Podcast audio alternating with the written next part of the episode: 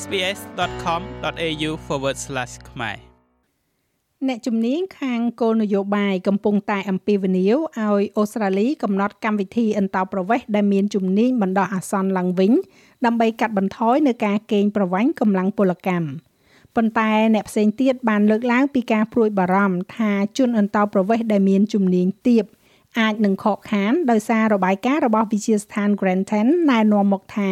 ប្រភេទទឹកតការបុគ្គលិកកម្មករថ្មី គួរតែត្រូវបានផ្ដល់ទៅឲ្យទូនាទីដែលមានប្រាក់ខែខ្ពស់អ្នកនាង Zevera អាយុ36ឆ្នាំ គឺជាចុងភៅនៅភោជនីយដ្ឋាន Tweedheads នៅភូមិខាងជើងនៃរដ្ឋ New South Wales មកដល់ប្រទេសអូស្ត្រាលីពីហូឡង់អ្នកនាងទទួលបាននៅទឹកតការជំនាញដែលខ្វះខាតជាបណ្ដោះអាសន្នក្នុងខែមេសាឆ្នាំមុន អ្នកនាងស្គាល់អ្នកផ្សេងទៀតដែលកាន់ទឹកតការដូចគ្នានេះហើយប្រឈមមុខទៅនឹងការពិតដ៏លំបាកមួយ Well there have been situations that I've I know មែនហើយមានស្ថានភាពដែលខ្ញុំដឹងពីកន្លែងដែលឧទាហរណ៍ថាមនុស្សឈឺហើយបន្ទាប់មកពួកគេត្រូវតែយល់ព្រមជាមួយនឹងលក្ខខណ្ឌដែលថាពួកគេមិនទទួលបាននៅប្រាក់ឈ្នួលសម្រាប់ការឈប់សម្រាកពេលឈឺនោះទេ ពួកគេពិតជាមិនអាចនិយាយអ្វីមួយអំពីវាបានទេព្រោះពួកគេខ្លាចថាទឹកតការរបស់ពួកគេត្រូវបានលុបចោលដោយសារតែនយោជករបស់ពួកគេមិនចង់បង់ប្រាក់នោះដូច្នេះជាមូលដ្ឋានពួកគេរងនឹងការកេងប្រវ័ញ្ចដោយសារតែពួកគេពិតជាមិនអាចនិយាយអ្វីអំពីវាបាននោះទេអ្នកនាង Zevera និយាយទៀតថា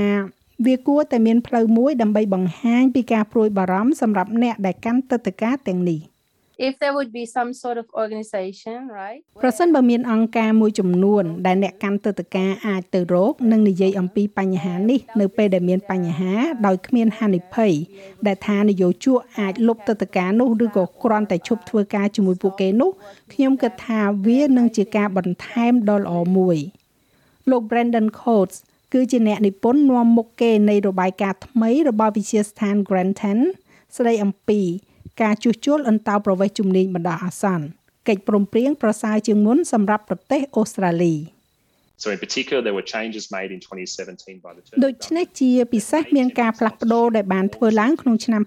2017ដោយរដ្ឋាភិបាលលោក Turnbull ដែលបានធ្វើឲ្យការធានាបណ្ដោះអាសន្នកាន់តែតឹងរឹងកាត់បន្ថយចំនួនមុខអាជីពដែលមាននៅក្នុងបញ្ជី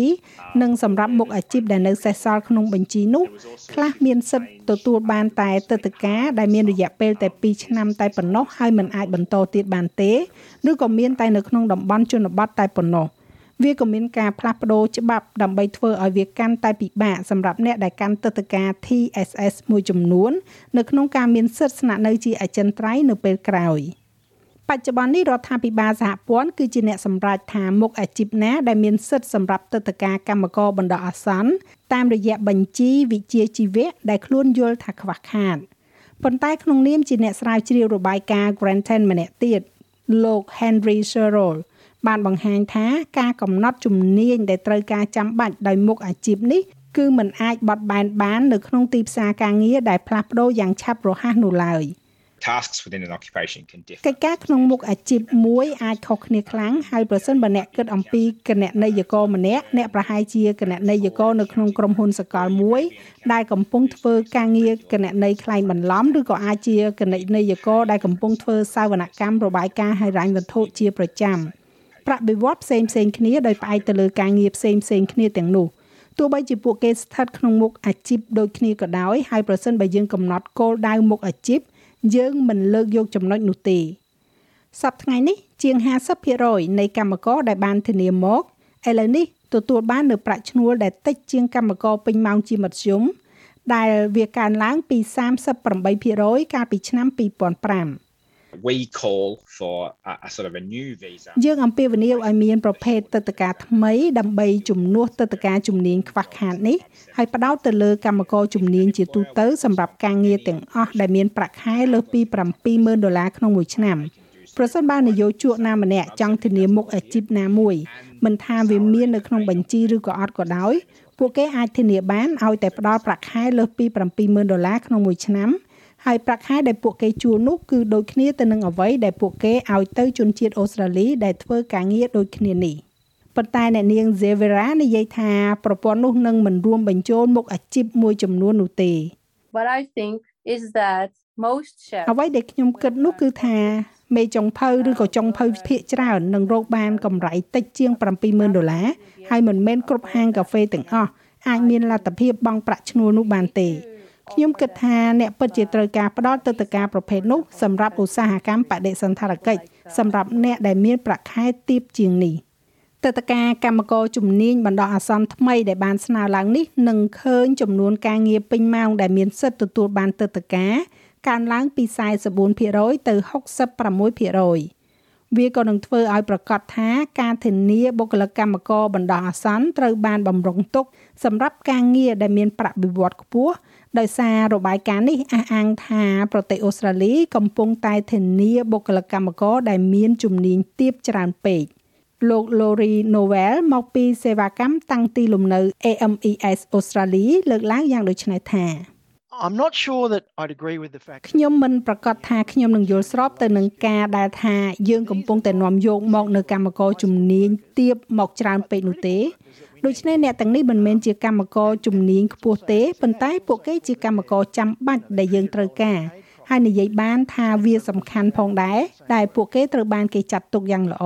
ហើយពួកគេត្រូវបានបង់ប្រាក់ឈ្នួលត្រឹមត្រូវនៅក្នុងកម្រិតដូចគ្នាទៅនឹងប្រជាជនអូស្ត្រាលីដែលធ្វើការងារដូចគ្នានេះ។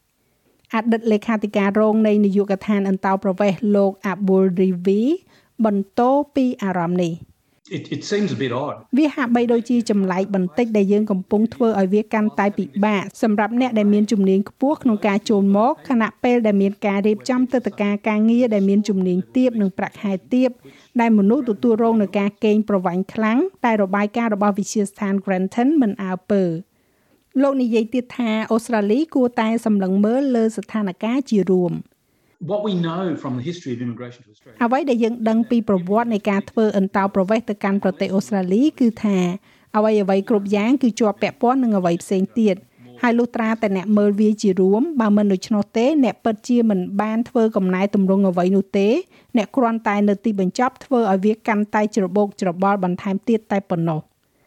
ចាស់ហើយរបាយការណ៍នេះចងក្រងឡើងដោយ Francesca Denuncio, Rayane Tamer និង Monique Pablo សម្រាប់ SBS News ហើយប្រែសម្រួលសម្រាប់ការផ្សាយរបស់ SBS ខ្មែរដោយនាងខ្ញុំហៃសុផារ៉ានីចុច like share comment និង follow SBS ខ្មែរនៅលើ Facebook